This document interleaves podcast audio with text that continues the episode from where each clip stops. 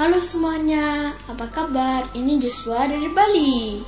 Mangkong, om tante, dan kakak semuanya, semoga selalu sehat semuanya. Hari ini kita jumpa lagi dalam Fresh Juice Sabtu 4 Juni 2022. Hari ini kita akan mendengarkan renungan yang dibawakan oleh Romo Rudi Rakito Jati OMI dari Jakarta. Yuk kita dengarkan.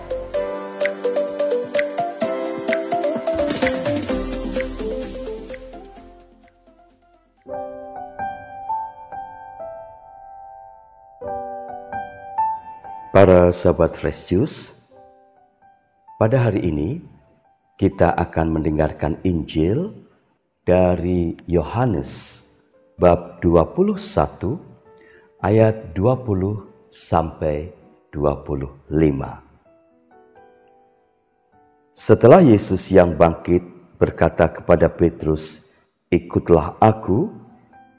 Petrus berpaling dan melihat bahwa murid yang dikasihi Yesus sedang mengikuti mereka, yaitu murid yang pada waktu mereka sedang makan bersama duduk dekat Yesus. Dia inilah yang berkata, "Tuhan, siapakah Dia yang akan menyerahkan Engkau?" Ketika Petrus melihat murid itu, dia berkata kepada Yesus, Tuhan, apakah yang akan terjadi dengan dia ini?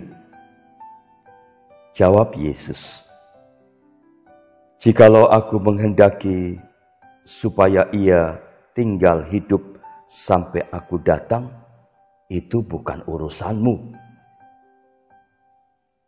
Tetapi engkau ikutlah aku.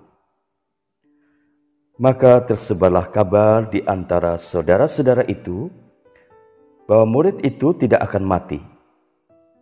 Tetapi Yesus tidak mengatakan kepada Petrus bahwa murid itu tidak akan mati, melainkan jikalau aku menghendaki supaya ia tinggal hidup sampai aku datang, itu bukan urusanmu. Dialah murid yang memberi kesaksian tentang semuanya ini dan yang telah menuliskannya.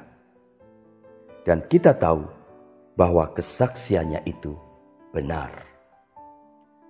Masih banyak hal-hal lain lagi yang diperbuat oleh Yesus.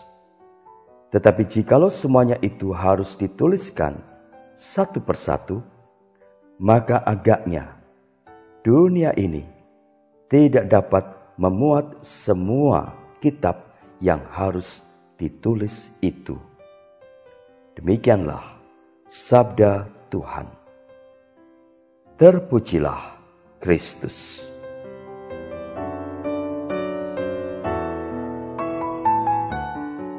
Para sahabat Fresh Juice, Injil yang kita dengarkan baru saja mengisahkan percakapan Tuhan Yesus yang telah bangkit dengan para muridnya saat sedang sarapan di tepi pantai Galilea. Pada kesempatan tersebut, Tuhan berbicara tentang apa yang akan terjadi dengan hidup Petrus kelak. Maka Petrus kemudian bertanya kepada gurunya tentang bagaimana halnya dengan hidup teman lainnya. Atas pertanyaan Petrus ini, Tuhan menanggapi dengan jawaban yang sangat menarik dan mungkin kedengaran keras. Itu bukan urusanmu.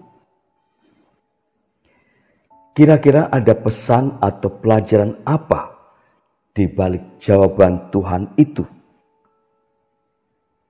Tampaknya Tuhan ingin Petrus dan yang lain tahu hal yang paling penting untuk menjadi urusan masing-masing. Dan hal yang paling penting bagi setiap muridnya adalah mengikuti Dia. Jawab Yesus, "Tetapi engkau ikutlah aku. Jadi selayaknya para prajurit, mereka ikut saja apa kata dan maunya sang komandan. Dengan demikian diharapkan oleh Tuhan bahwa masing-masing orang akan berusaha menjadi pengikutnya yang sebaik-baiknya.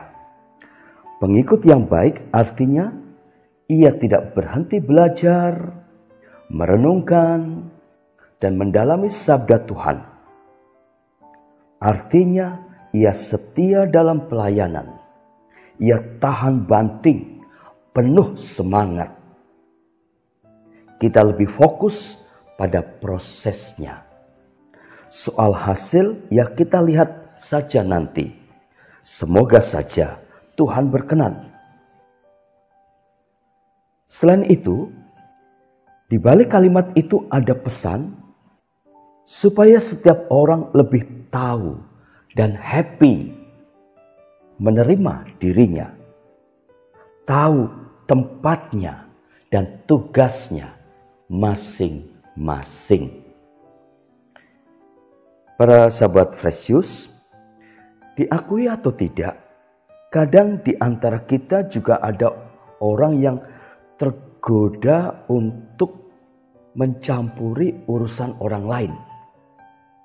Atau mudah tergoda untuk mulai membandingkan dirinya dengan orang lain. Misalnya, membandingkan nilai hasil ujian dengan teman sekelas, membandingkan besaran gaji dengan teman sekantor, dan lain-lain. Apakah ini tidak boleh? Mungkin tidak ada yang bisa melarang, tetapi asal tahu resikonya saja. Gara-gara suka membandingkan, bisa-bisa membuat orang lain risih dan menjauhi kita. Gara-gara suka membandingkan, jadinya kita malah minder. Tidak bahagia lagi, jadi marah dan kecewa karena ternyata keadaan orang lain lebih baik daripada keadaan kita dan lain-lain sebuah cerita sebagai pemanis renungan hari ini.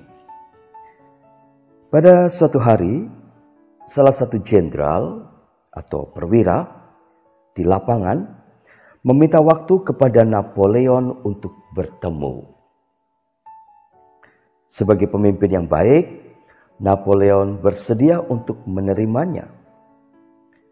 Sang perwira rupanya membawa berita kemenangan yang telah direbutnya. Di depan Napoleon, perwira itu menceritakan serinci-rincinya bagaimana dan apa keberhasilannya. Napoleon dengan tekun mendengarkan seluruh kisahnya, tetapi tidak berkomentar sepatah kata pun. Perwira itu mulai kecewa dia sebetulnya mengharapkan suatu tanggapan penuh semangat, sebagaimana sanjungan-sanjungan yang dia berikan kepada Napoleon.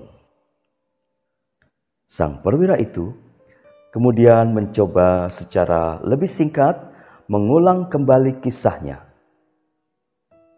Napoleon tetap mendengarnya dengan tekun. Melihat itu, perwira itu masih menaruh keyakinan bahwa nanti Napoleon akan memberikan kepadanya pujian yang sepantasnya. Demikianlah laporan saya Tuan, kata perwira itu menutup ceritanya. Napoleon tersenyum.